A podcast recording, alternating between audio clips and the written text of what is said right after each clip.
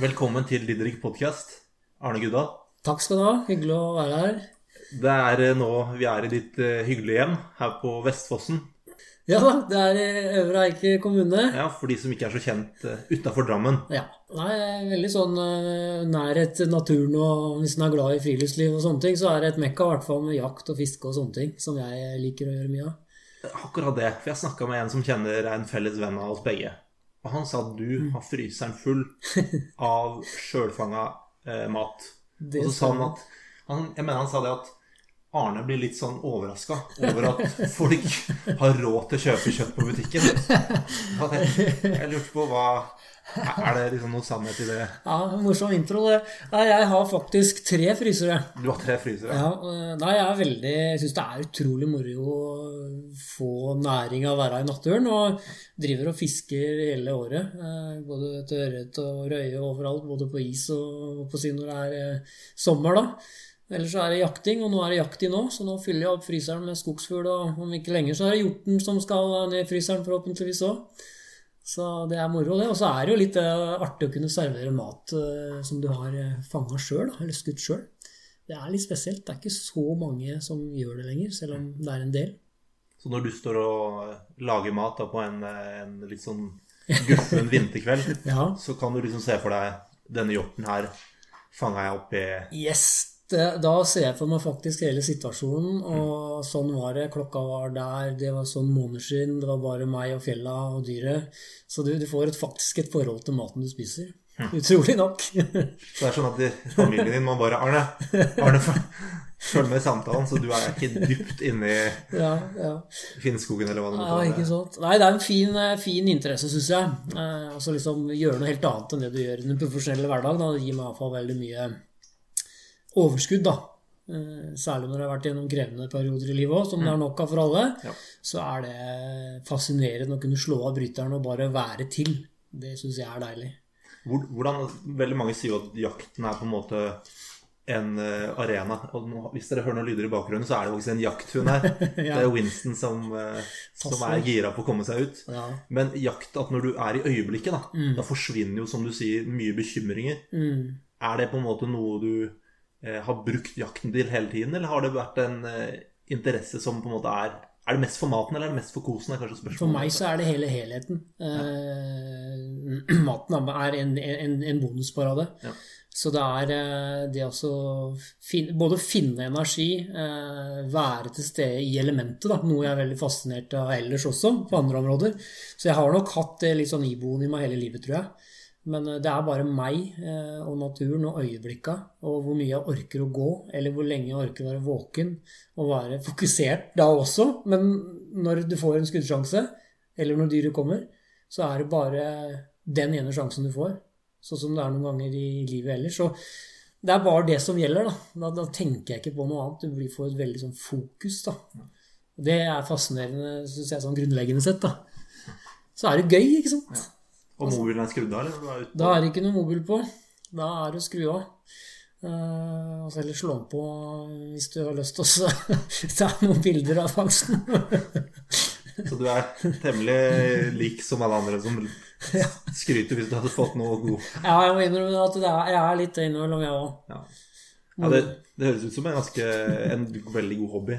Og det der med å ha, ha den type mat, det er, det, er, det er bra. Men da stemmer det. Det er gøy. Ja. Jeg tenkte at vi kan bruke litt av, av begynnelsen her til å bli litt kjent med deg. Og det, er jo, det med jakten er jo en del av det, for det er jo en stor hobby. Men jeg lurte på om vi skal spørre deg bare sånn Hvor er du født? Bare for å begynne, begynne fra starten, da. Jeg er født i, født i Drammen.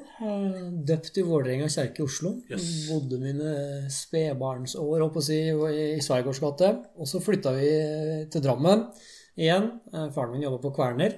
Eh, Og vokste opp på Fjell, en drabantby. Litt sånn ministovner. Uh, Fram til jeg var en Ja, flytta vel kanskje da jeg var 12-13, tenker jeg. Da flytta vi til Konnerud-Drammen. Så jeg har liksom eh, bodd i Drammensregionen da, under hele oppveksten, på en måte. Og nå bor jeg i Øvre Eiker og fått bygd meg hus her. I de dype skoger. Så, men du ser på deg selv som drammenser først? og Ja, jeg er eh, en ekte drammenser og en ordentlig drammenspatriot. Og elsker eh, hele regionen, for så vidt. Men, men, men Drammen, det er, min hjerte, er mitt hjerte. Mm. Det er det virkelig. Du sa jo det at du har bodd på, bodd på fjell. Mm. Og det er jo på en måte et sted i Drammen som har vært litt belasta i, i mange år pga. at det har vært veldig mye ulike kulturer som har smelta sammen, kanskje. Og, Veldig. Og hvordan på en måte har, var det å vokse opp i et altså, Hadde du noen opplevelse med den delen av Ja, eh, jeg hadde det. Eh, Men jeg må bare si at jeg ser på det som en gave da, å få lov til å vokse opp eh, på fjell. Hvor du bor da i blokker, mm. tett på andre mennesker. Eh, Og den gangen så var det ikke så mange minoriteter, men allerede den gangen jeg gikk på barneskolen For nå husker på at nå er jeg 50 år, okay. eh, så tida går når du har det gøy. Eh, Så var det sju nasjoner bare i klassen min den gangen. Så det, det er ganske unikt, da, sånn i, bortsett fra kanskje fra Oslo. Så, så har jo Drammen en sånn demografi sånn sett som har vært fascinerende og berikelse for meg. da. Så jeg er på en måte blitt nesten litt sånn flerkulturell fra barnsben av. Og det ser jeg på som en gave. Og mange venner ifra, med gutter eh, primært da, fra andre deler av verden. Som egentlig har gitt meg utrolig mye. En berikelse i livet. Men det er klart, eh, det var eh, ikke bare fryd og gammen der. Eh, Bare se de jeg vokste opp sammen med, så flere døde av overdose heroin i, i klassen min til og med. Så mange fikk problemer etter hvert, og kanskje ikke hadde den rette oppfølginga hjemme. Skilte foreldre, eh, og det gikk dårlig med. Så mm, nå er det egentlig veldig velfungerende der oppe. Så, men som sagt, jeg har utrolig mye kule barndomsminner derfra. Og er glad at jeg fikk sjansen til å bo så tett på folk, for det tror jeg egentlig gjør at du blir litt mer sånn tolerant og sosialisert da, fra barneben, barnebens, barnsben av, heter det. Eh, og det har jeg nok egentlig dratt mye nytte av i den jobben jeg valgte etter hvert som politimann. nå. Det må være en enorm ressurs. Og så tenker jeg at bare det å se at verden er eh, Altså få verden da inn i stua gjennom kompiser da, og lære om andre kulturer, Ja. sånn, det er jo klart det har mye å si for Ja, det, det er det. Altså det å ha et litt sånn positivt menneskesyn, da, det tror jeg du lett kan få fra barnsben av hvis du har, eh, har et fokus på det, eh, bevisst eller ubevisst. da. Hos meg var det ubevisst, for at jeg, jeg hadde jo ikke noe valg å ikke vokse opp der, jeg. Men, men det var som sagt en berikelse på mange måter. Jeg, jeg tror det altså, For min egen del så hadde jeg en lærer som satt i rullestol. Og han var jo på en måte Det, ble, det normaliserte det som kanskje var litt annerledes for, for meg da, fra, fra tidlig alder. Sånn at jeg har jo på en måte når jeg ser folk i rullestol, så er det mye mer på en måte Det er helt normalt. Ja. Og det tror jeg er utrolig ressurs å ha med seg ut i livet. Eh, på alle måter, da. For Jeg er litt sånn, ja, hvis jeg kan få lov å bare si det, da. Ja.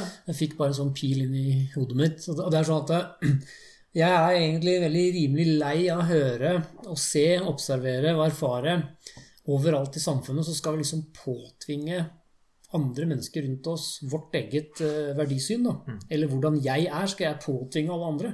Hvorfor kan vi ikke heller dyrke litt mer den eh, ulikheten, da, eller den, eh, det mangfoldet, for den saks skyld? Så lenge det er innafor det som er akseptert. da. Liksom ikke tving folk til å bli sånn som deg. Lær av dem isteden. Liksom, finn noe positivt ved det isteden. Ikke bare fokusere på det som er dårlig og ræva. For det, det du fokuserer på, det vokser nemlig. Det er sant, det.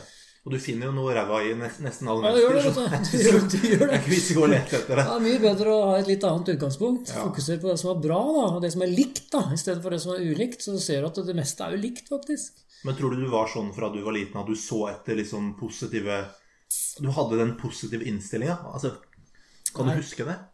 Jeg tror mer at eh, du bli, ble så sosialisert ved å både leve tett på mennesker og omgås med veldig mange mennesker, for du hadde ikke noe valg. Altså, du måtte bare lære deg en del kodekser. At eh, sånn bør du være, eller sånn bør du være mot andre, eller så kanskje du blir ekskludert fra fellesskapet sjøl, i og med at du hadde så mye folk rundt deg hele tida. Kanskje derfor jeg er blitt så sær med de der eh, interessene mine. At jeg har bodd så tett på folk i store deler av livet mitt. Så nå må du være lengst mulig ute i skauen Ja, kanskje det er det som gjør det. for å få litt balanse. Ja, balanse er viktig. Hva er det beste barndomsminnet du har? Og altså, beste barndomsminnet, det blir, eh, det blir litt sånn klisjéaktig, men det var sånn at når eh, Jeg husker jeg var på innebadet på Galterud på fjellet i Drammen. Der var jeg ofte. Det var stort at jeg fikk et innebad så tidlig, da. Det er mange år sia. Og hver gang jeg hadde vært på det, så husker jeg det, da hadde mamma lagd sånn kakao med krem da jeg var liten gutt. da, Og gjerne vafler og sånne ting. Eller ostesmørbrød. Det er sånne ting jeg husker som liten, liten gutt. da. Det er nesten så jeg kjenner jeg blir rørt av det. Og det, sånne ting er det. Og så er det egentlig all den galskapen også på barneskolen. Uh, utagering, slåssing uh, mange... Vi snakker om gode minner, ikke sant? Ja, det, ja, men det er gode minner. Jeg, jeg, kjenner jo disse her i dag. Mange av mine gamle klassekamerater husker de unødvendige konfliktene hvor gutter var gutter da, og ikke ble sykeliggjort fordi det ble en fysisk konfrontasjon. Det, var, det er faktisk gode minner, det også. I min verden så er det det. Ja. ja. Det er ikke sånn at man altså, Ja, gutter får være gutter. Man ble ikke medisinert ned bare fordi Nei. du hadde en konflikt. Nei. Litt håndgemeng. Det ble liksom ikke ADHD-diagnosert fordi det gikk i tottene eller var litt ukonsentrert eller hadde litt vel mye energi, da. Så det er faktisk gode minner, det òg. Jeg ser det. Ja, den er fin. Jeg tenkte dette her med forbilder syns jeg er jo litt viktig, da. At man har noen å se opp til. Mm. Hadde du allerede da noen du Eh, så opp til eller hadde som forbilde? Nesten litt sånn vanskelig spørsmål for meg å svare på. Men jeg har jo som alle andre hatt forbilder, og forbildene de har forandra seg hele livet, da. Men jeg husker jo Det også høres jo veldig rart ut kanskje for deg, men jeg var jo helt eh, fiksert på Bruce Lee, vet du. Mm. Og, eh, og, jeg husker jo det at jeg ønska å begynne å trene kampsport som liten gutt, men det fikk jeg ikke lov til hjemme. Så det endte jo med at jeg begynte å snike meg inn på sånne nybegynnerkurs rundt omkring, spesielt på sånn karateklubb som hadde lokaler oppe på Fjell. For Galterudjen. Du sneik deg inn på karateklubb? Ja, jeg, jeg, begynte å snike meg inn på karateklubber fordi jeg fikk ikke lov å begynne med kampsport. Jeg hadde så veldig sterkt ønske om det. Jeg begynte jo med friidrett som veldig liten gutt. Faren min var friidrettsutøver, og takker han veldig for det. Eh, men, men kampsport det var helt no go å drive med. Men det skulle jeg begynne med. Allerede som niåring så begynte jeg også å snike meg inn. Og hver gang jeg måtte begynne å betale kontingenten, da merka de jo det, da ble jeg kasta ut.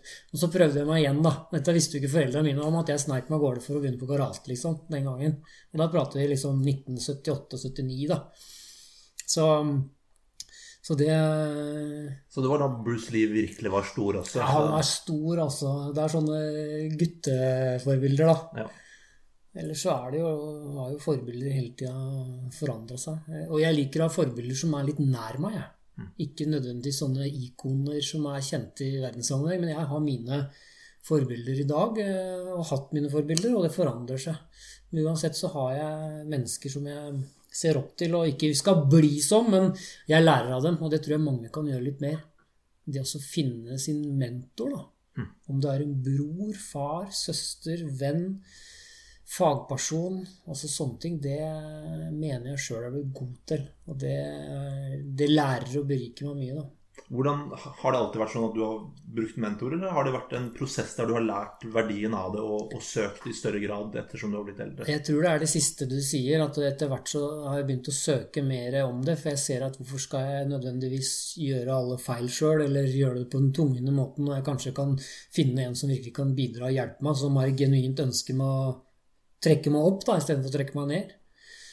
Og det har jeg også lært meg, at uh, verden er nok av de som prøver å ikke nødvendigvis av vond vilje trekke deg ned, men som gjør det ubevisst fordi de ikke klarer det sjøl. Hvis du setter deg et mål, f.eks., som jeg er litt opptatt av, mm. så ønsker jeg heller å ha en mindre krets rundt meg som, uh, som vil meg godt, istedenfor å si at 'det der klarer du ikke, Arne', eller 'det der må du ikke gjøre', osv det bare øker motivasjonen min til å gjøre ting enda mer når jeg hører sånne ting. Om det er familie eller venner eller hva det er, kollegaer eller hva det er. Mm. Men er det sånn at du kan sette deg et mål, og så aktivt søke noen mentor som kan yes. støtte deg i det målet? Ja, og det tror jeg er veldig, veldig viktig. Eh, og samtidig så merker du det at når du ber om ikke nødvendigvis hjelp, men råd eller veiledning, så kommer også mennesker og gjør det samme til deg. Så det å ta imot er viktig, og da er det også lettere å gi, mener jeg, da. Eller i motsatt rekkefølge. Gir du mye av deg sjøl, så kommer også mennesker og ønsker å gi til deg. Det har jeg lært meg etter hvert, etter hvert som jeg blei voksen. Mm. Etter du har gjort masse feil, dårlig valg osv. Men det, det, du sier, er at eh, hvis man tør å spørre om råd og ja, hjelp eller assistanse, mm. så fører det til at andre vil komme til deg. Mm. Og jeg tror at veldig mange, meg selv inkludert, syns det kanskje er lettere å gi råd enn å mm. spørre om råd. Ja, det det, vet du. Men at du må kanskje gjøre den ene biten først mm. for å komme til en posisjon at noe skal komme til deg, er faktisk noe ikke jeg har tenkt over. Da. Nei, Og det å by på seg sjøl, da. Mye mer enn det vi gjør i hverdagen. Det er jo en av mine grunnpilarer sånn, som menneske, tror jeg. Altså, det er heller ikke Det er ikke tillært, faktisk. Det tror jeg er medfødt som en egenskap. At uh, jo mer jeg gir av meg sjøl, men jeg skjønte ikke det før, å by på meg sjøl og fortelle hvordan jeg har det, eller ønsker å ha det, eller hva jeg er interessert i, gjør at folk stoler på meg og ser at de, det er en helt vanlig mann. Han er en helt vanlig fyr, og så slapper folk omgivelsene mer av rundt deg, og så tør også åpne opp i forhold seg selv til deg, da. Og det tror jeg folk skulle bruke litt mer energi på i eget liv. Både være tydelig om sine egne, til og med egne, hva du har lyst på. Ja. Så er det lett for andre å forholde seg til. Ja. Selv om det er kanskje mye du ber om. Ja, Det er ikke noe gærent i det hele tatt. Nei, det er ikke noe gærent. Og, og verste er det at så ser vi at det er egentlig veldig ufarlig. Folk blir nysgjerrig på hva du har lyst til. Mm. Kanskje vil de hjelpe deg. Som har velvilje til å hjelpe deg. Mm. Og derfor så er det kanskje greit å omgi seg med mennesker da, som, som, som vil, vil det faktisk genuint. Ikke helt til jeg skal ha noe igjen. Mm. Men si at du tar en eh, Mm. En 30-åring da, i 30-årene, sånn som meg, da. Mm. Så da at eh, sette seg et mål hvordan, hvordan går man ut og finner mentorer? Eh, Det, det, det mener jeg. Det, det fins jo mentorer finnes jo sikkert overalt i f.eks. nettverket ditt. da. mm. Du nevnte for meg når vi kjørte her i stad at du hadde dine brødre. Mm. Kan du bli flinkere å bruke dem mer litt aktivt? Kan du bruke den ene broren din på akkurat det litt mer? Kan du bruke den andre broren din på det litt mer? Og så tørre å gjøre det. Gjør det mer. Ta den utfordringa, rett og slett. Det mener jeg er smart. Eller så mener jeg det har også lært meg sjøl i voksen alder, for jeg begynner jo å bli voksen nå. Skulle ønske jeg var like smart når jeg var eh, i 20-åra, noe jeg ikke var. Eh, Det er også å bruke folk som allerede er der, og tørre å ta kontakt med dem. Og det jeg har lyst til å nevne i den podkasten jeg har min egen mentor nå, som jeg ikke har kjent lenge. Jeg nevnte det, han for deg i stad. Ja. Han Hågen Haugrønningen. Som er for meg en fantastisk sparringspartner på det som går på egen sånn personlig utvikling. Da. Mm. Til tross for at du kan mye om det sjøl, Mm. så kan han, han ha en helt annen innfallsvinkel til det jeg ser på som utfordrende eller krevende. Mm. Og det er interessant. Å omgi deg med folk som vil deg godt, da. Jeg tenkte på, Når du sa det, så tenkte jeg på hvor flink er du, eller hvor ofte tenker du på å omgi deg med folk som er bedre enn deg også? For det, jeg føler at det også har litt Mm. Man trenger ikke ha en person som er bedre enn seg for å gi, gi gode råd. Nei, nei, Men noen ganger kan det være viktig å, å plassere seg i et miljø der man faktisk Mm. er den som kan minst. Mm. Har du gjort noen tanker rundt det? Ja, altså Ikke annet enn at eh, jeg, jeg lærer jo hver dag. Ja. Og jeg har den iboende lysten til å liksom eh, ikke, Folk sier 'bli bedre og bedre' og 'bli best den beste utgaven'. Ja, det er kanskje resultatet, men jeg tenker ikke på det når jeg, når jeg liksom mm, ber om råd eller veiledning. Ja. Så, så kommer det av seg sjøl. Jeg er ikke noe maskin. Jeg er et vanlig menneske full av følelser. Men jeg veit at veien til målet mitt, da, eller det jeg ønsker å oppnå, eller lære av den feilen jeg gjorde, da, eller det valget jeg gjorde, kan bli så mye kortere hvis jeg snakker med f.eks. Hoggen, da, som jeg snakker mye med. Og det, og det, det tror jeg er eh, undervurdert. Altså bruke folk i nærmiljøet, eller tørre å ta kontakt med det du har hørt om, lest om, sett på TV. Altså Ofte så er det faktisk ufarlig. Og det, det har jeg begynt å gjøre mye mer, og mer, mer og mer de seinere åra. Og hvis noen av disse som driver med profesjonell rådgivning er steindyktige, de tar jo selvfølgelig betalt for det, for det er jobben deres. Mm. Ja, ja. Men man kan jo, som du sier, bruke venner, familie, folk du Mm. eh, Ja, folk rundt deg. da. Alle, alle har noen de har de, kan det, ta du. tak i. Ja. Om det er på jobben din, eller om det er i idrettsklubben du eventuelt er medlem på gymmet. Åpne opp den døra, da. Så ser du plutselig at det åpner seg opp mange andre dører. Det skjønte ikke jeg når jeg var yngre. Jeg skulle finne ut alt sjøl, og eh, lære alle feilene mine sjøl. Og det er ikke nødvendigvis veldig smart, da. Men tror du på det at hvis noen andre har gjort en feil, Mm. at du kan lære av den og ikke Ja. gå i samme felle? Ja. Ja. Helt klart. Det er jo en bra For det, det, er, det er liksom det der å tørre å gjøre feil. Altså, folk er jo, Det er jo sagt i andre sånne intervjuer sånn, liksom, Folk er så fordømte redd hele tida for å gjøre feil. Ikke vær så fordømt fantastisk hele tida, da. Liksom, du skal vise at du er usårbar og tør å være feiltastisk isteden. Tør å drite deg ut. Og hvis du Hva er det verste som kan skje, pleier jeg å si. Hva er det verste som kan skje med den situasjonen her, det oppdraget her, eller den arbeidsoppgaven her? Jo, det er til det skjer, Er det så farlig, da? Er ikke det, vet du. Ikke sant? Altså, Det er veldig få ting som er så veldig farlig. Eh, Folk er redd for å gjøre feil, for å tape anerkjennelse eller ikke lykkes osv. Men, men du, må, du må prøve å tørre, da. Gjør en feil, og så gjorde du et dårlig valg, da kanskje, så fikk du en erfaring. Gjør flere dårlige valg, så får du flere erfaringer, og så lærer du forhåpentligvis av det, da, for du må jo ta action og rydde opp i det òg. Det klart. Det må man. Men du får jo testa sikkerhetsnettet ditt også. Ja, det og det er jo hvis du går hele livet uten å gjøre noe feil, og Ja. eh, ikke tester ut hva du faktisk har rundt deg, ved å tørre å gjøre feil.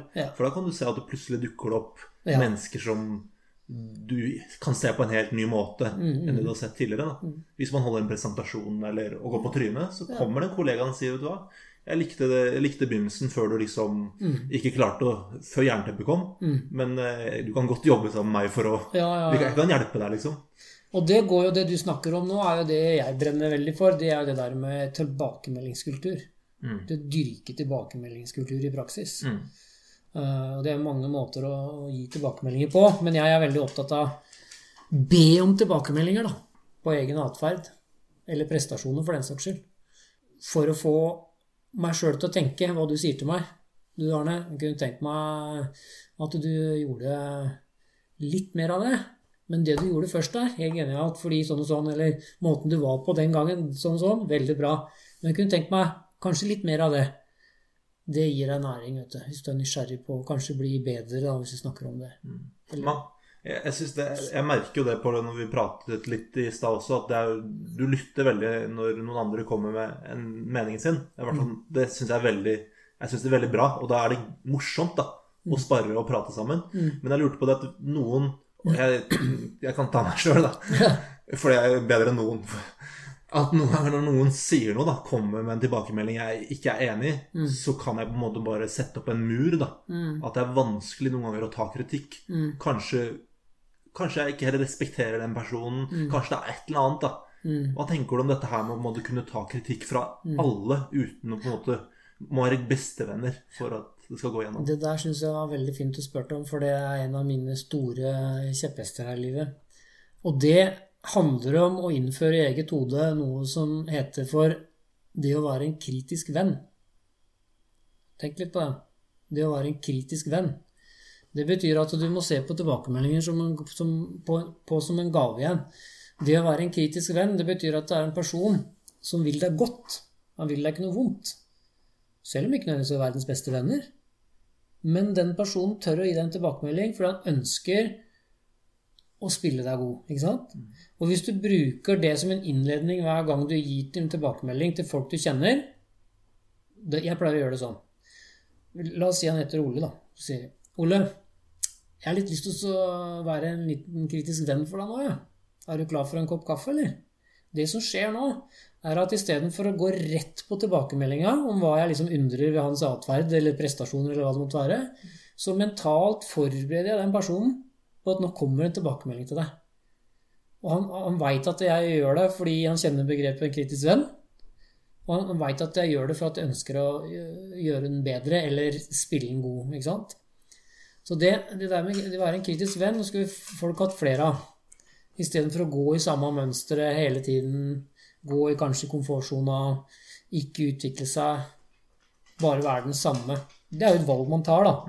Men nå snakker vi om mennesker som deg og meg, da, og mange andre, som faktisk ønsker å utvikle seg. Da, da trenger du kritiske venner. Jeg blir ikke noe god av bare masse UM og skryt hele tida. Jeg får en bekreftelse på at folk liker det jeg gjør, eller er måten jeg er på, men det betyr ikke at jeg blir noe bedre.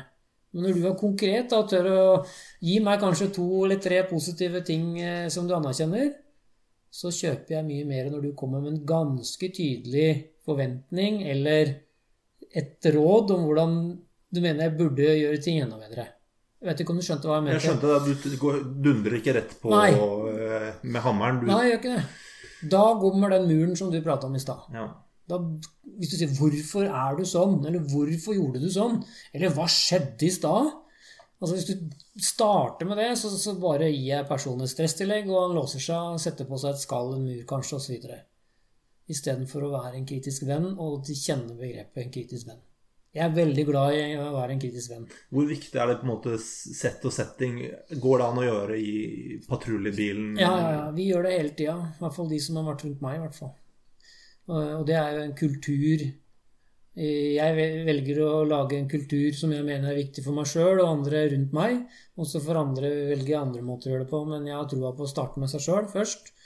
Og, og, og, og, tørre å åpne seg opp, men også tørre å ta imot, men også tørre å gi tilbakemeldinger. Eh, da mener jeg det blir en sånn eh, Hva skal vi si, ja? Det blir en sånn integritet, og det blir tillit da, mellom folk. Som er helt avgjørende i den bransjen jeg har vært i, f.eks. Som politiet. Eh, hvor det skjer mye tidskritisk, også farlige ting. Eller forsvar, eller hvor, hvor enn du måtte befinne deg i samfunnet. Mm. Så er det klart at det er større konsekvenser i noen yrkesgrupper da, enn andre. Men jeg mener du kan gjøre det overalt. Det er bare at konsekvensene av å ikke gjøre det kan være større i enkelte ja. yrkesgrupper. Det er det jeg sier. Og så handler det litt om å sense når er folk mottagelige, da. Det er viktig å ikke fronte gjennom tilbakemeldinger for enhver pris til enhver tid. Det er litt viktig. Og da handler det om å kjenne hverandre igjen. Familiært, hvis det er familie, venner, profesjonelt. Det handler om å kjenne hverandre. Jo bedre vi kjenner hverandre, jo lettere er det å komme i posisjon til, da. Også ved tilbakemeldinger. Derfor må vi dyrke det der. Kjenne hverandre. Det er jævlig viktig, fordi at det ofte kan jeg kjenne det at å gi tilbakemeldinger mm. kan handle, handle, mye om mitt behov mm. for å påpeke noe. Ja. Og da er det på en måte, da er man ikke helt riktig, mm. riktig sted. da. Mm. Så det du sier med å liksom mm. Hvorfor gjør du det? Mm. Eh, og så er det om forklar, forklar hensikten. Ja. Hvorfor. Så er det lettere å kjøpe det enn å bare gå rett på pucken. Mm. Tror du politiet er flinkere Altså, det er politifolk flest er flinkere til å prate med hverandre enn i andre yrker. Eh. Ja, jeg, jeg, eh, mener jo det, da. Det er en påstand bare. Men ja. det jeg opplever da i den operative verden som jeg kommer fra, eh, med innsatsledelse i mange, mange år, og, så, så er vi borti mye tidskritiske ting. Og, og, da er det ikke noe valgfag, på en måte, når vi er ferdig med en alvorlig hendelse, som også innebærer sterke inntrykk, ofte form av døde, skada folk eh, osv. Eller, eller, eller fare som den enkelte har vært oppe i, og som, mm. som opplever traumatisk i noen, noen, tilfeller, så er det ikke valgfag på en måte å reise hjem, selv om vakta er over. Da har det blitt en kultur nå hvor vi setter oss ned rundt bordet. Eh, før kalte vi det en, eh, en defuse, som gjerne er sånn kjent ordtak. Men det vi kaller det i politiet nå, som jeg syns er et mye bedre begrep, det er at da gjennomfører vi en støttesamtale. Det betyr at vi skal støtte hverandre om hva vi gjorde. Og vi bare prater om hva vi gjorde. Vi prater ikke om hva vi burde ha gjort eller ikke gjorde. For det har ingen verdi, for det gjorde vi ikke. Vi bare prater om det vi gjorde, og hvordan vi opplevde det. Og det er jo på en måte ikke en tilbakemelding, men det er en tilbakemelding allikevel. For da sitter folk rundt bordet, og det er helt frivillig å prate. De åpner seg opp og forteller hvordan de opplevde den faresituasjonen eller det oppdraget. Og det er interessant. For jeg kan ha en helt annen opplevelse enn deg.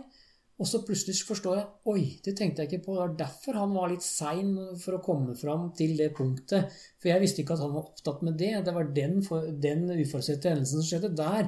Derfor kom de fem minutter seinere enn oss, enda vi hadde veldig dårlig tid. For jeg var jo litt sinna fordi dere var litt trege, mm. osv. Så, videre, så, videre. så det handler liksom om å sette av tid, og at tiden blir brukt demokratisk, og på en måte alle får liksom snakka seg gjennom hendelsen da, på en sånn systematisk og god måte. Mm. Og det er på en måte ikke en tilbakemelding, men man får en forståelse for hverandre og hvordan man opplevde det. Og forskjellene, hvordan vi tenker og mm. er. da. Så jeg vet ikke hvorfor jeg begynte å prate om det nå, kjente jeg. Men, jo, men det, det er litt et, Jeg ville jo inn på dette her med Jeg spurte om er politiet flinkere enn andre til å prate sammen. Og det, det, tror jeg at grunnen til at jeg spør om det, er jo at jeg tenker jo litt ja. Man må nesten være det pga. Liksom det dere holder på med, at det er et veldig mm. mye sterke inntrykk. Mm. Men også at kanskje noen andre har noe å lære av dette her. da. Mm. At, som kanskje at man jobber som sykepleier, eller mm. man jobber på et lærerværelse. Det blir det eller... samme, bare en annen arena, føler jeg. Ja. Men derfor så har jeg noen tips, da. Ja. Jeg, jeg fikk noen piller inn i hodet igjen når du spurte om det. Og det er sånn Hvor flink Eller hvor, hvor gode er folk, da? Til å sette av f.eks. en midtukebreak på et kvarter. da. Folk sier 'nei, jeg har vi ikke tid til'. Mm. Nei vel, da velger du, da tar du et valg og sier at du har ikke tid til å sette sånne ting som vi snakker om nå på agendaen. Jeg mener det er veldig dumt. Hvorfor ikke ta midtukebreak og så prate litt gjennom uka så langt, eller hvordan vi opplevde det i stad eller i går eller forrige uke? Hvorfor ikke ta en liten eh, oppsummering av uka eller en oppstart på mandagen? Altså, ikke bare prate om hva vi skal gjøre, men prate om hvordan vi har det, hvordan vi opplevde ting. Mm. Det er så viktig for å skape en trygghet og anerkjenne ulikheter eh, hos hverandre, men også forsterke et fellesskap. da. Og Det er det jeg mener politiet, i hvert fall den delen av politiet jeg kjenner til. Der lever vi tett på hverandre. Vi jobber sammen på helligdager. Vi eh, er sammen natt, dag, kveld. ikke sant? Vi, vi lærer hverandre å kjenne, og etter hvert så blir det ufarlig å by på seg selv om hvordan man opplever tilværelsen i den profesjonelle hverdag, dersom det er en kultur for det. Dersom det er en kultur for det. For det behøver ikke være sånn. Hvis du har en leder hvor ikke det å vise følelser eller fortelle hvordan man opplevde ting er interessant, og bare tenker mål, målfokus eller resultater, så mener jeg at du mister noe veldig viktig på veien. Og jeg mener at det kan være farlig, for da tør ikke folk å spørre om det ene spørsmålet før vi skal i en aksjon, f.eks., et væpna oppdrag. Da velger personen å være til stille fordi man er redd for å bli sett på som uskolert eller ikke profesjonell osv. Så, videre. så dyrk det psykososiale, eh, og det, dyrk ulikhetene, og se på det som styrker istedenfor svakheter. Er det svakheter, så må vi prøve å få, få de vekk. Det er noe helt annet, men eh, du skjønner helt sikkert hva jeg prater om Mm. på det. Og så dette med det demokratiske, at hvis du, hvis du er en eh, bedrift som ikke nødvendigvis har skarpe oppdrag, da Ja, ja, for det er nesten ingen andre som har det. Det er det jeg mener. Også dette her med å kunne se litt vekk fra sjefen. Her er det liksom at alle skal dele sin opplevelse. Det er ikke hva, som du sier. Man skal ikke rapportere. Eh, Og det tror jeg det er et veldig godt tips, da. Mm. eh, Som kunne bundet ting sammen. Å be om tid til sånne ting av sjefen. Det betyr ikke at sjefen er der til stede. Ja. Men det er dere som jobber nærmest, eller som har noe felles, en opplevelse felles sammen. La dere få lov til å bearbeide det og utvikle den opplevelsen til noe som blir en god erfaring, kanskje. Eller lære av en dårlig erfaring, hvis det er det som er. Mm. Og det er viktig å sette av tid til. For du har, noe, du har jo starta nå selvstendig Du har holdt på lenge med foredragsvirksomhet og mm. coaching og kursing Mm. for eh, ulike bransjer, eller for mange bransjer. Mm.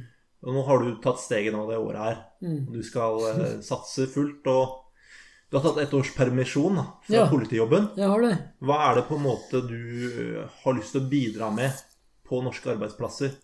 Ja, det er egentlig ganske mye. Men, men, men det går eh, veldig mye på dette her med å eh, bli bevisst om egen atferd i møte med andre. Altså øke bevisstheten om egen atferd i møte med andre. Hvordan er du egentlig på arbeidsplassen din? Hvordan ønsker du å bli oppfatta?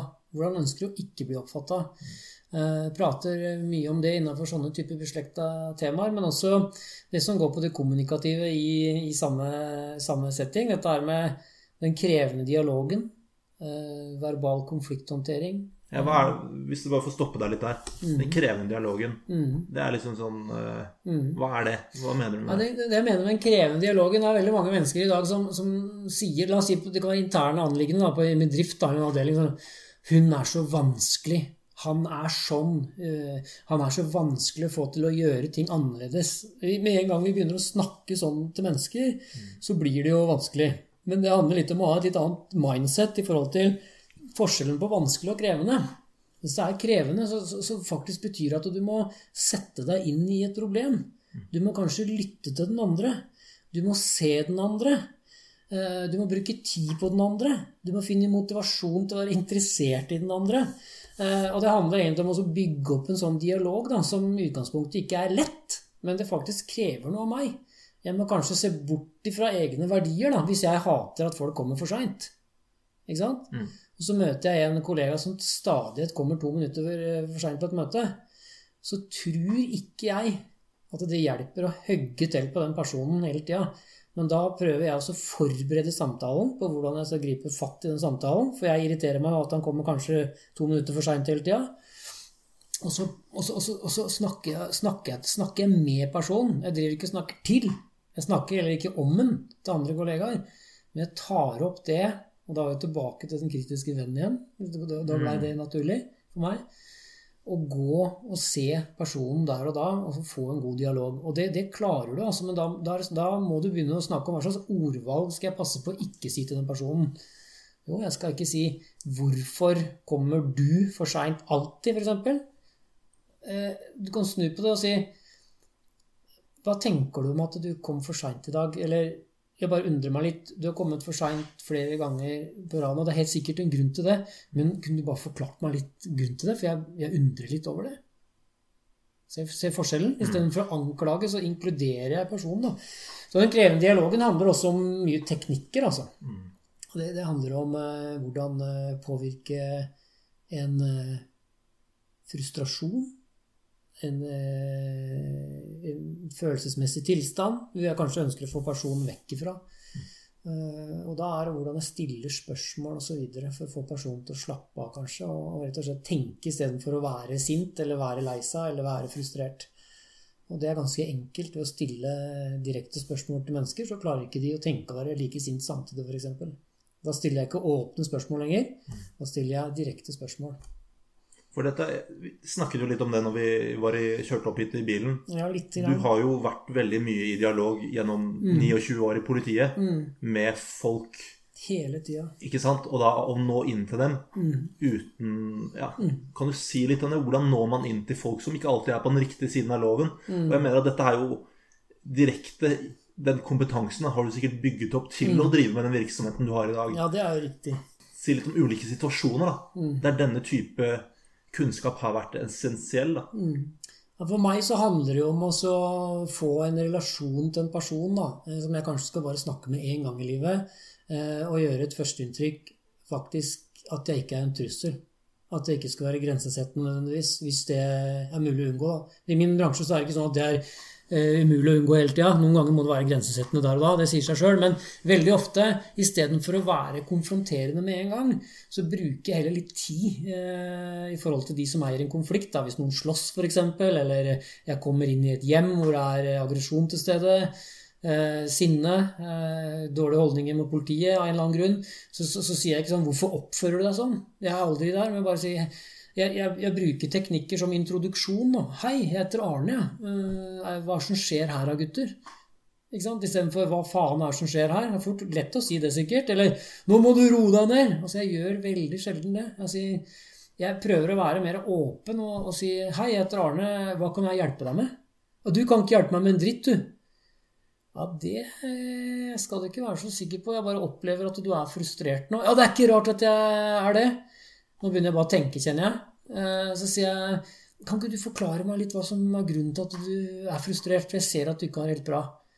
Og da er det faktisk svært få som, når du blir møtt på den måten der eh, Spørrende har et positivt menneskesyn, og du prøver å gi et inntrykk at du ønsker å hjelpe, så ha det som fokus og så spørre hva jeg kan hjelpe deg med, istedenfor 'nå må du roe deg ned', 'nå må du skjerpe deg', så, så, får du en helt annen uh, attitude fra nesten alle. Ikke alle, men nesten alle. Og det er, uh, dette er metodebruk, og jeg ser på det som en vitenskap. Og det skal være praksisnært og enkelt, og det er det jeg driver og dyrker mye. da. Og det er nok mye pga. ikke bare erfaringa mi, men når du har hatt så mange tusener på tusener på tusener med menneskemøter, så blir til slutt en, en, eh, felterfaring Eller mange felterfaringer blir en teori, da. Men jeg har jo selvfølgelig også lest mye. Jeg har eh, vært heldig og fått uh, ulik kompetanse, men den viktigste Eller kunnskap. Men kompetansen min har jeg fått i direkte menneskemøter i snart tre tiår. Og det, det, er jeg litt ydmyk for, for jeg lærer hele tida enda. Og jeg går sjelden i samme feila som jeg gjorde når jeg begynte som 21-åring i politiet, for å si det sånn. Um, men jeg mener det er trenbart at du kan bli en god kommunikatør og en god relasjonsbygger ved å være bevisst på hvordan vi fremstår, hva vi sier til folk, og ikke minst når vi sier konfronterende ting til folk. Dette er jo en helt verden, det kunne jeg snakke om en hel dag, kjenner jeg. Så det brenner jeg veldig for, da. Så, Men jeg tenker at det, det, som var litt interessant med eksempelet ditt, er at tre ganger er personen konfronterende, mm. og tre ganger du, har du åpne armer, da. Mm. Hvor viktig er den der tålmodigheten? Mm. Og ikke la ego komme inn og, og mm. bite tilbake. Ja, For det som er den store fallgruven her, er jo at eh, dine egne verdier de blir utfordra gjerne når du, når du ønsker å hjelpe eller være på tilbudssida med en løsning, og du bare blir møtt med konfrontasjon. Så de som ikke er bevisste da på å, for, å, å faktisk se personen, at det er en grunn til at han, henne eller de opplever min tilstedeværelse på den måten, det er en grunn til det. Og Hvis jeg ikke klarer å forstå at her har det kanskje skjedd noe, noe som gjør at de er i den mind of, state of mind, da, så, så, så, så, blir det dårlig kjemi, og du, du, du blir en dårlig grobunn for videre kommunikasjon. Så det handler om når du kjenner sjøl at du blir provosert, du kjenner du blir sinna, det kommer kanskje slengbemerkninger, stygge ord til deg, så handler det om å ikke kjøre den eskaleringa i samme ordbruk, eller den spiralen da, i form av høyere stemmeleie og alle de tingene der. Da. Så det handler både om din fysiske atferd, selvfølgelig. Dette er jo kjent for mange, det. Men, men, men, det er ikke like mange som dyrker detaljene på det, om hva du faktisk sier til folk, da, og hvordan du sier det. Og da er vi helt nede på toneleie, altså. Mm. Vi er helt nede på volumet på stemmen din. Og, det, og det er, vi snakker om hastigheten på orda dine, til og med. Altså, når en person er veldig stressa, eller redd, eller sint, eller rusa, eller er psykisk syk, eller i emosjonell ubalanse, den første sansen som forsvinner ved stresstillegg, det er viktig å ha kunnskap om. Det er hørselen din. Det er den første sansen som forsvinner. Og det er gjerne den siste sansen som forsvinner når du besvimer. For det har jeg erfart sjøl jeg besvimte etter å ha knekt tre ribbein, og den ene ribbeinet lå pressa på lunga mi. Så jeg har lært meg det gjennom en erfaring òg. Så det handler om å faktisk være rolig, prøve å beholde fatninga, og det kan være krevende, veldig krevende noen ganger, og innby til tillit, også ved hastigheten på stemmen din og tonefallet. Og gjerne gjenta budskapet ditt flere ganger. Dette kan dere bruke like mye hjemme på hjemmebane. Når, når, når samboeren din er, med, er forbanna på deg fordi du ikke har gjort det du lovte, osv., så, videre, så blir det fort konflikter. Og hvis du er bevisst på alle de tinga der, men det må jobbes med, og det er ferskvare, så blir det ofte bra. Det er ikke sånn at samboeren din blir kjempefornøyd med deg, men du tar av den 10% av frustrasjon og aggresjon som kanskje gjør at hun er i stand til å lytte på deg. Og det ser du jo om hun er i stand til å lytte på deg eller ikke. For da sier du faktisk ikke noe sjøl. Mm. Eller du må bli bedre til det selv når du blir prega av situasjonen. Og det handler jo igjen om tilbakemeldinger. Hvordan skal vi bli gode på det her til å bli bevisst den ubevisste atferden når vi får de følelsene? Jo, det er at du sier nok ganger til meg, Arne, i stad avbrøt du igjen. Da lokka den personen seg. Da ville han ikke snakke lenger med deg. Du må slutte å avbryte, Arne. Jeg veit du gjorde det, det er bare for å ville hjelpe, men du blei for engasjert igjen. For du har en tendens til å være litt for engasjert. Så hvis jeg får nok sånne tilbakemeldinger av deg, så klarer jeg faktisk å kjenne igjen det når jeg står i sjølve settinga med en annen person. Og det bør ikke være farlig, det. altså Det kan bare være en vanlig dialog, det. Og det handler om å kjenne til egen, egne styrker, men også svakheter. Jeg veit at jeg har et litt vel overskudd av engasjement mange ganger, men det er også en fallgruve. Hvor jeg ubevisst avbryter andre mennesker som ønsker å hjelpe, og så lokker de seg, f.eks. Eller at de kan oppleve at det ikke var respektfullt. Da. Og jeg, da må jeg beklage med en gang. Så den krevende dialogen den handler om å tørre å konfrontere, men vi konfronterer på en åpen måte, og ikke sånn direkte måte. Og så må vi ha den evnen til å beklage når vi sier noe som ikke nødvendigvis er dumt, men som blir oppfatta dumt, da. Eller lite si lite oppbyggende. Beklager det ordet jeg sa der i stad. Det var ikke meningen. Det var et dårlig ord av meg, sier jeg til folk, f.eks. Eller jeg sier eh, For meg ser det ut som du er eh, faktisk frustrert over den situasjonen du er i nå. Det kan jeg godt forstå. Nå er jeg grensesettende. Men jeg kan ikke akseptere faktisk at du står og skriker til meg. Kan vi prøve på nytt, eller? Og veldig ofte så går det bra da. Men ikke bestandig, men veldig ofte. Nå tok jeg noen sånne eksempler fra en operativ verden, men dette er like aktuelt for hvordan du fører dialog eh, internt med kollegaer hvor du har en konflikt osv. òg, mener jeg, da. Det er litt over på det Jeg hadde et spørsmål som jeg har skrevet ned, som er hva er det viktigste verktøyet du har personlig eh, som politimann? Mm. Hmm. Ja, det er vanskelig å svare på på ett et sånt spørsmål, men uh, jeg har i hvert fall et grunnleggende menneskesyn om å behandle, behandle alle med respekt. Da. Mm. Og når jeg sier å behandle alle, alle, mennesker med respekt, så handler det om at uh, jeg skal bruke like mye tid på mennesker, selv om jeg personlig ikke liker dem, uh, at de har gjort stygge ting. Og som politimann så evner jeg faktisk å se, se at en handling er en handling, men personen bak, det er noe helt annet, faktisk. Jeg snakka med både drapsmenn og andre rett etter at de har tatt livet av folk, jeg. Hvor jeg klarer, på en måte, kanskje fordi jeg er bevisst på egen atferd, å ikke dømme personen. Eh, det er ikke min jobb i det hele tatt, faktisk. Og jeg får en god dialog med den personen til tross for at den har gjort noe grufullt. da. Eh, og det, det, det, er, det, er, en krevende øvelse, og, men det er fullt mulig å få til.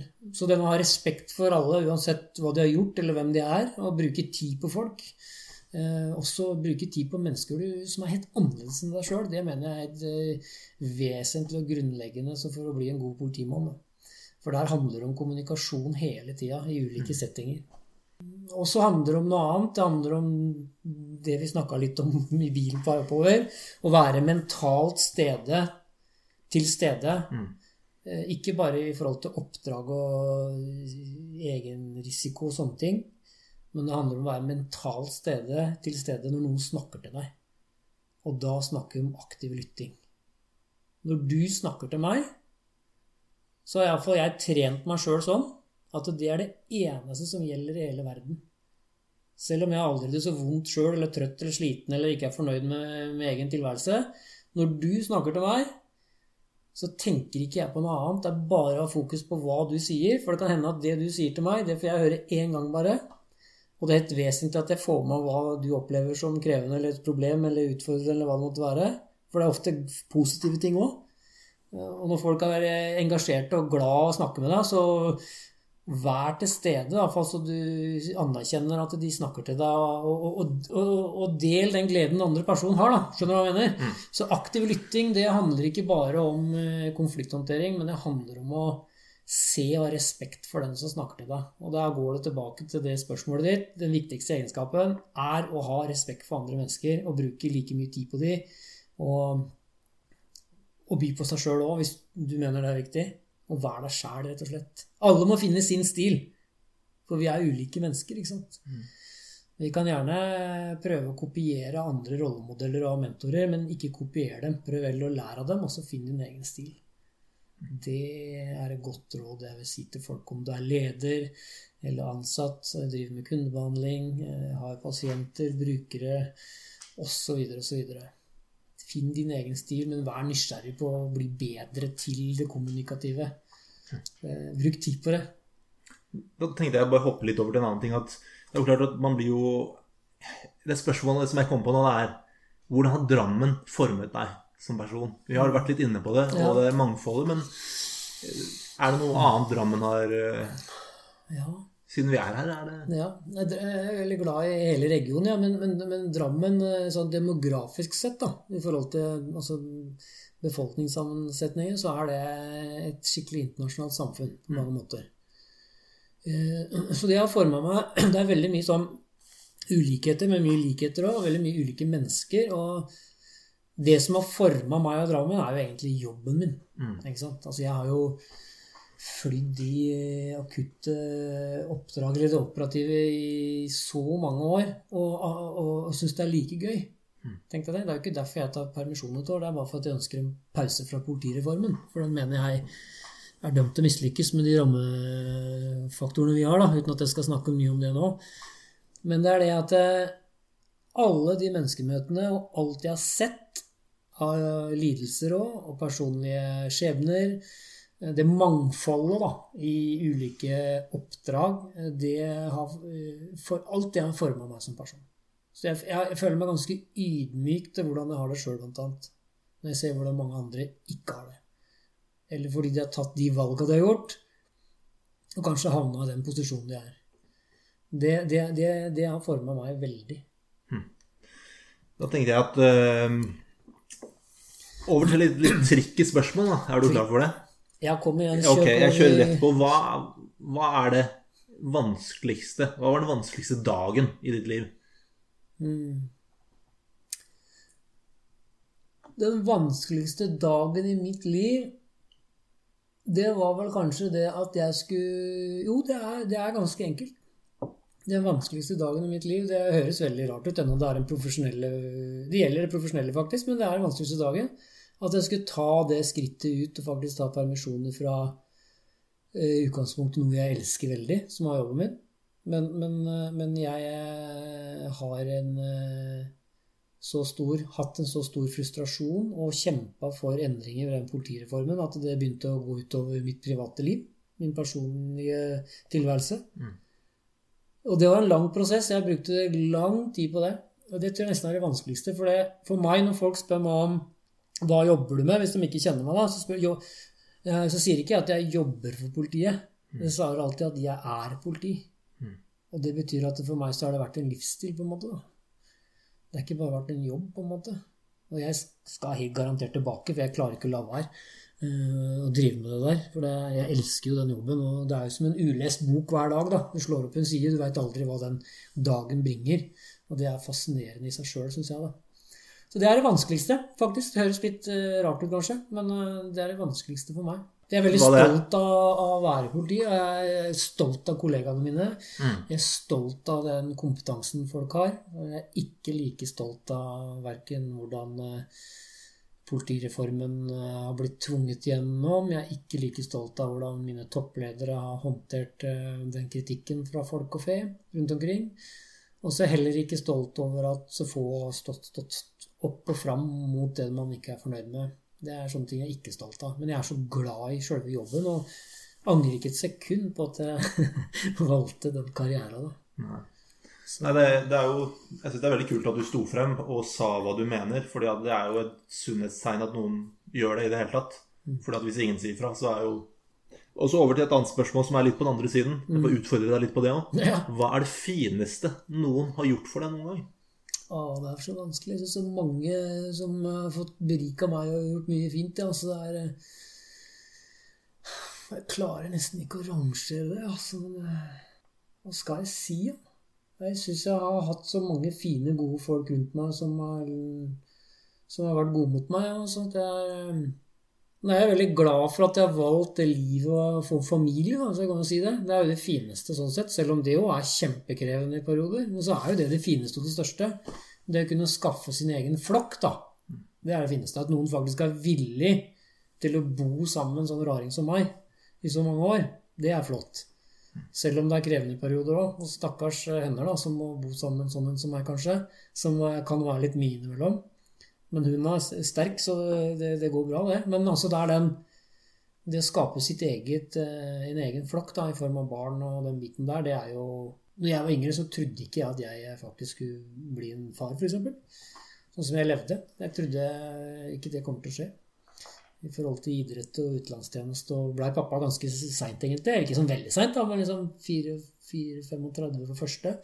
Og så rundt nesten 40 på nummer to. Det er ikke, er ikke gammelt, da, men jeg, når jeg, husk på jeg er 50. Nå er det mer normalt, men bare for en 16 år siden så var det nesten litt mer unormalt, for da ble folk foreldre enda tidligere. Men i dag er det veldig normalt.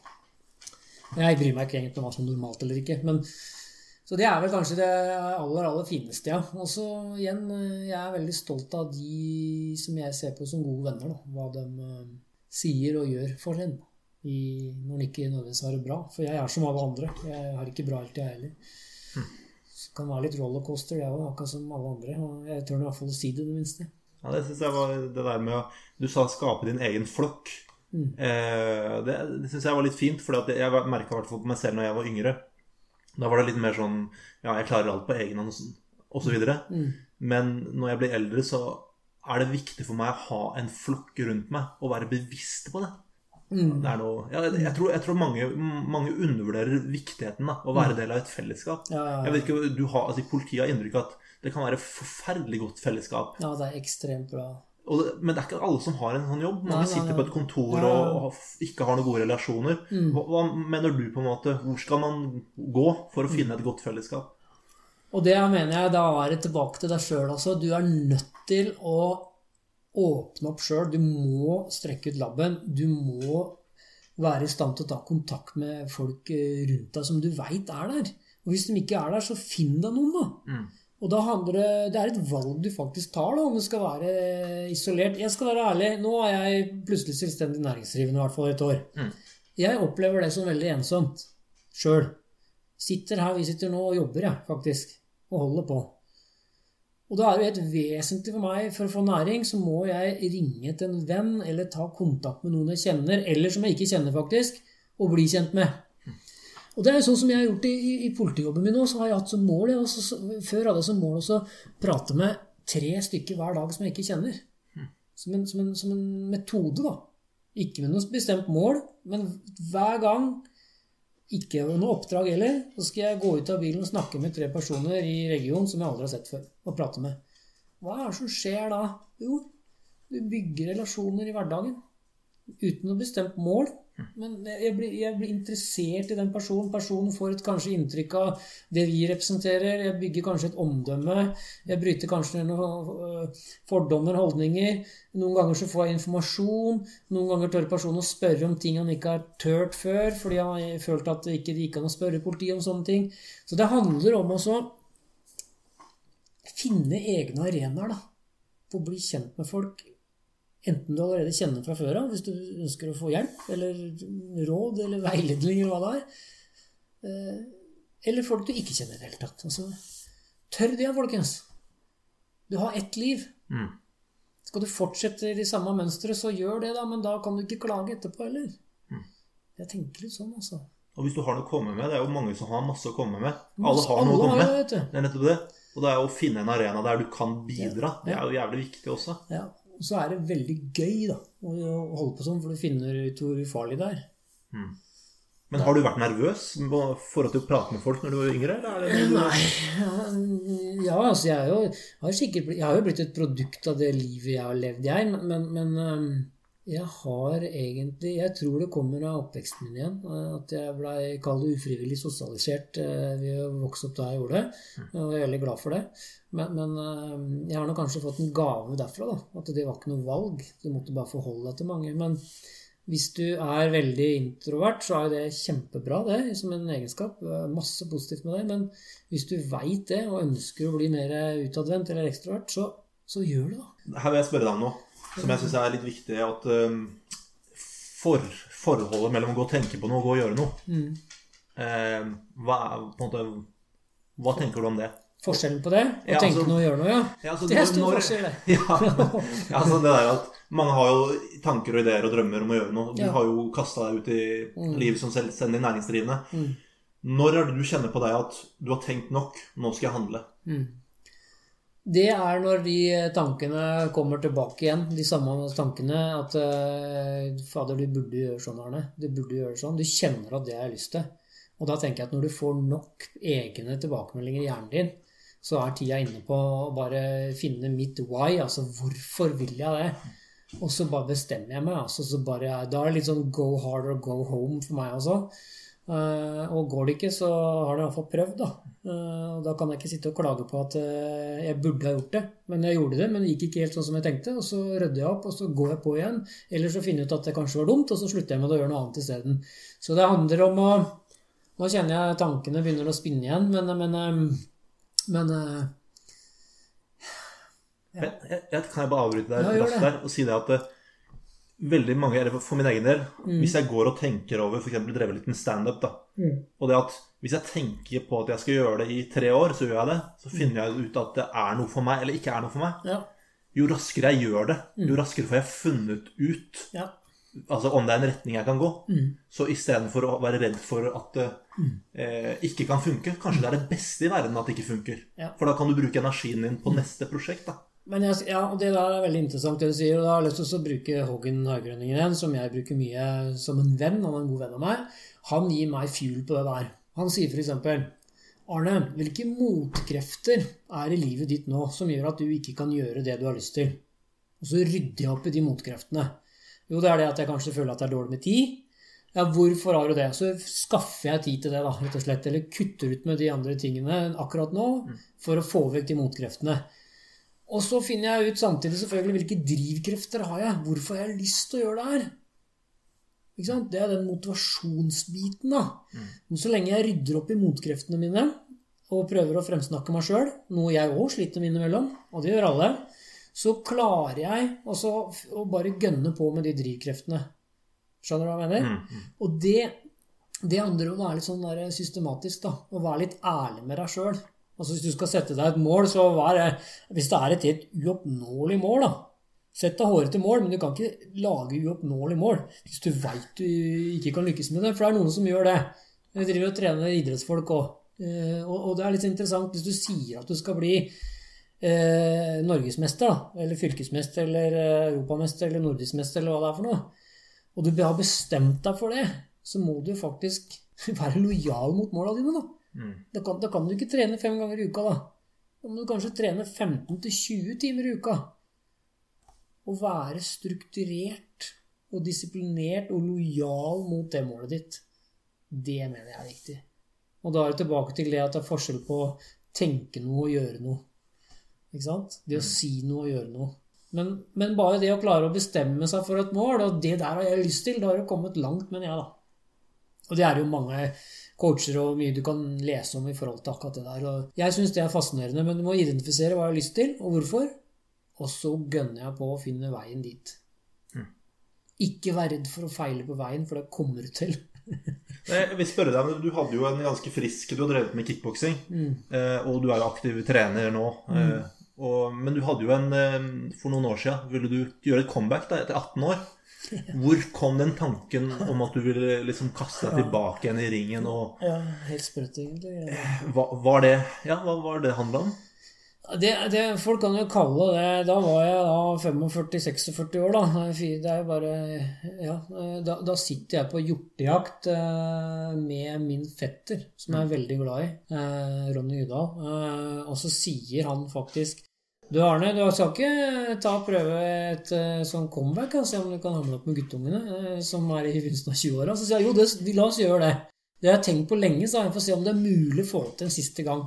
Å bli norgesmester, f.eks. Og fikk lov til hjemme, og han sier ok, da skal jeg sponse hele dritten, sier han. Hvis du gjør det. Da sier han nei, jeg kan betale for meg sjøl. Nei, da gidder jeg ikke bli med, sa han. Dette skal vi gjøre sammen. Og da ser vi litt at vi hadde det fellesskapet. Og det ble en sånn fin, positiv greie.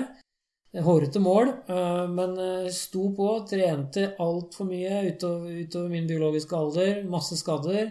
Men fikk gått 15 kamper, da i 14 og 15, og, og, og fikk sølv da i, i det NM. Det syns jeg var veldig morsomt, altså. Uh, men det som var, det var det derre Ikke for å skryte, men jeg føler at jeg har en sånn indre drive. Når jeg, når jeg bestemmer meg for noe, så bare gjør jeg det. Mm.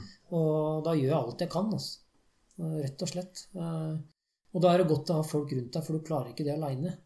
Så du visste egentlig inni deg at du kunne? Du trengte bare noen andre til å minne deg på Ja, og, og pushe meg. Mm. Og backe meg. Ikke minst backe meg. Det var nok av folk som sa det at du må ikke finne på det. Det er jo galskap. Mm. Du kommer til å bli masse skada. De hadde rett i det, da. Eh, Men, men eh, til tross for det brakk noen ribbein og satte deg tilbake og sånn og sånn, så, så gikk det jo veldig bra, da. Mm. For det, du kanskje har litt den iboende Hva skal vi kalle det?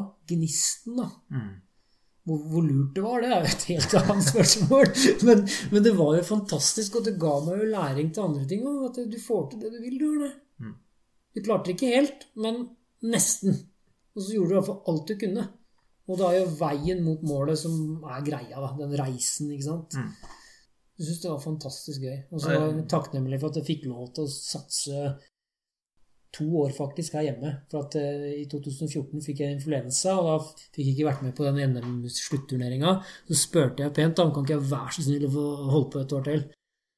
Uh, og så fikk jeg ja under tvil, og så fikk jeg lov til å fullføre det personlige prosjektet der, da. Mm. Litt sånn snålt, men jeg hadde et stort behov for å gjøre det. Det ga, meg, det ga meg en veldig sånn fuel ellers i livet, da. Mm.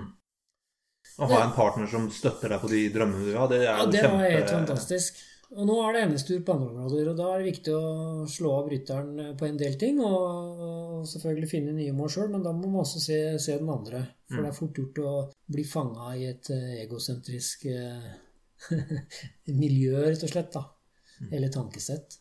Så du må også slå av den bryteren. Det, det er viktig. Nå, når, nå er nok nok. Nå er du på andre sida. Nå får du heller dyrke frem andre og trene andre. Nå har du blitt en for gammel mann til det. Eh, men du kan bidra på andre områder. Ut ifra erfaringa di og kompetansen din, f.eks. Det var en artig reise. Det var veldig gøy. Så, men du kan liksom ikke sammenligne deg når du var i 20-åra og var med i VM og EM og sånne ting. da. Det er liksom... Men, men allikevel så, så var det veldig artig da, å få lov til det. Og bare kjenne på at du kan skru bryteren på. Akkurat det å skru på bryteren, Ja. eh, og det å slå av bryteren eh, etterpå. Og evne det. Men du sa at du har vært litt eh, Jeg tenkte vi skal runde av hvert øyeblikk nå. Mm. Har, eh, har et spørsmål igjen. Jeg vil bare pense litt tilbake at du har vært litt i utlandet. Mm. Har du, kan du dele litt om hva du har gjort i utlandet? Du tenker sånn yrkes... Eller profesjonelt, ja? Sånn profesjonelt i Ja, ja. politisammenheng? ja. I politiet jeg, jeg har jobba stort sett i Norge men, men i forhold til de, de operative fagfeltene og forebygging og mye sånne type ting. Men eh, jeg har også tjenestegjort i Afghanistan i 2003. Eh, Da tok jeg det siste først. Da Eh, Da var jeg første politikontingent nede i Afghanistan med gjenoppbygging av afghansk politi, så jeg var ikke i Forsvaret. Mm. Men det var en veldig interessant eh, interessant misjon, det. Og du blir ydmyk igjen og ser hvordan folk har det, for å si det rett ut. Ganske Ja, det er helt sprøtt å se hvor godt du har det landet her. Og fire år før det så var jeg i Bosnia et år, eh, i IPTF, International Police Task Force, eh, i Mostar-regionen. Og det er vel kanskje det råeste året jeg har hatt i mitt liv eh, i forhold til å jeg var sliten da jeg kom hjem derfra, eh, men du verden for et spennende område og folk, og en forferdelig konflikt og krig som var der.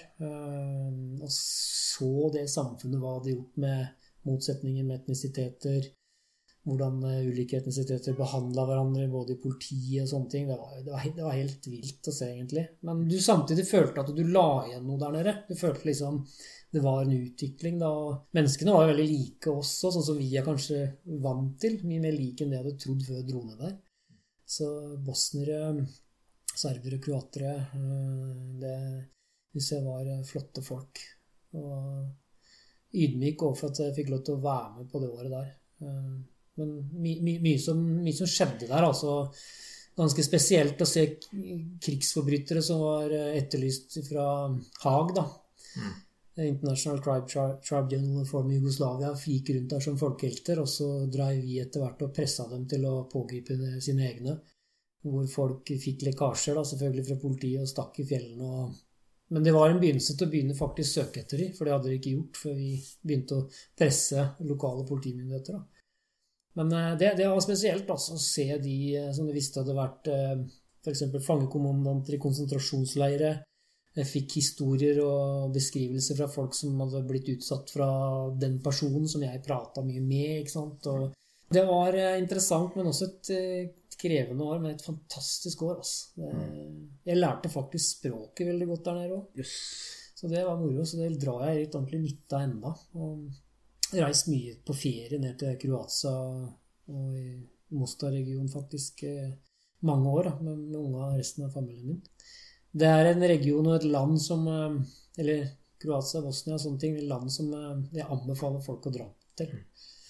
Så det er ikke bare Drammen som har gitt deg den kunnskapen du har i dag. Det er, du har søkt utfordringer Mm, jeg føler kanskje det, ja. over hele verden, rett og slett. da. Så hva er det som gjør at, eh, hva er det som gjør at du er så nysgjerrig ja, på, på folk? Jeg tror og- det er litt sånn iboende bare født at jeg er nysgjerrig på omgivelsene mine og folk og situasjoner og Altså, jeg må være ærlig med deg, jeg, jeg nærer jo på det situasjonelle. Altså menneskemøter, da. Helt hverdagslige menneskemøter så vel som helt voldsomme. Eh, Jeg nærer på å få lov til å være en del av det, eller oppleve sånne ting. Og jeg lærer av det, i tillegg til at jeg nærer på det. Så jeg, jeg reflekterer over menneskemøter og gjør kanskje det for mye. Men, men jeg, jeg syns det er eh, så interessant. For jeg er, jeg er rett og slett glad i folk, da. Det er kanskje, jeg er glad i folk. Og det sa jo blant annet han ene Det er ikke for å forherlige meg sjøl jeg sier det, det er bare for å dele. Når han derre politisjefen nede i eh, den byen jeg jobba i, sier bare Hva er det for noe med deg, sa han. Altså, du driver og presser meg hele tida til at vi skal gjennomføre operasjoner for å pågripe de folka her. Eh, hva er det for noe med deg som tjener så gode penger? Du kan jo bare være her og slappe av egentlig og reise hjem, men du, du gir deg aldri sånn. Og da bare sa jeg til tusen takk skal du ha, sa jeg. Det er den beste tilbakemeldingen jeg kunne fått av mannen, sa jeg. Og da satt han bare og kikka på meg, og så dro han opp ei brennevinsflaske fra bordet. Og så sa han det tar vi en skål på, for da skjønte han hva, hva jeg mente, da. Mm. Det kanskje Det altså, høres klisjéaktig, men det å gjøre en forskjell og legge igjen noen spor i andre mennesker, da, det, det gir like mye til meg da, som kanskje det du gir til andre. Det syns jeg er fascinerende å få lov til å ha en jobb og drive med sånne ting. da. Ja, det syns jeg, synes jeg er veldig fint å gjøre. Og da, med det vil jeg gi deg en liten utfordring på slutten. Siste spørsmål her nå. Mm. For da har jeg egentlig fått svar på veldig mye jeg har lurt på. Da. Eh, og det er hva du, nå lurer jeg på hva du skal bruke da. Denne energien din eh, fremover. Mm. Og jeg ønsker jo å dele mine historier og erfaringer og kompetanse til andre som, som eh, har en eh, jobb, jeg, da. Eh, som jobber med mennesker. Og det gjør så å si alle. Men gjerne de som er i direkte menneskemøter, enten over telefon eller sitter og, behandler eller ja, møter folk i, i sin profesjonelle hverdag. Der mener jeg at jeg har mye å tilføre folk på. Også det som går på ledelse. Situasjonell ledelse. Hvordan ivareta faktisk de som skal gjøre selve oppdraget for bedriften eller organisasjonen. Hvis du tar en offentlig etat, da, selve samfunnsoppdraget. Hvordan spisser vi de best mulig for å bli best mulig ut mot brukerne, de de skal serve. Sånne type ting, det skal jeg bruke det året på, for det mener jeg at jeg kan si noe om, da. Tenker jeg. Tusen hjertelig takk, Takk for at du ville prate om disse temaene. Tusen takk skal du ha.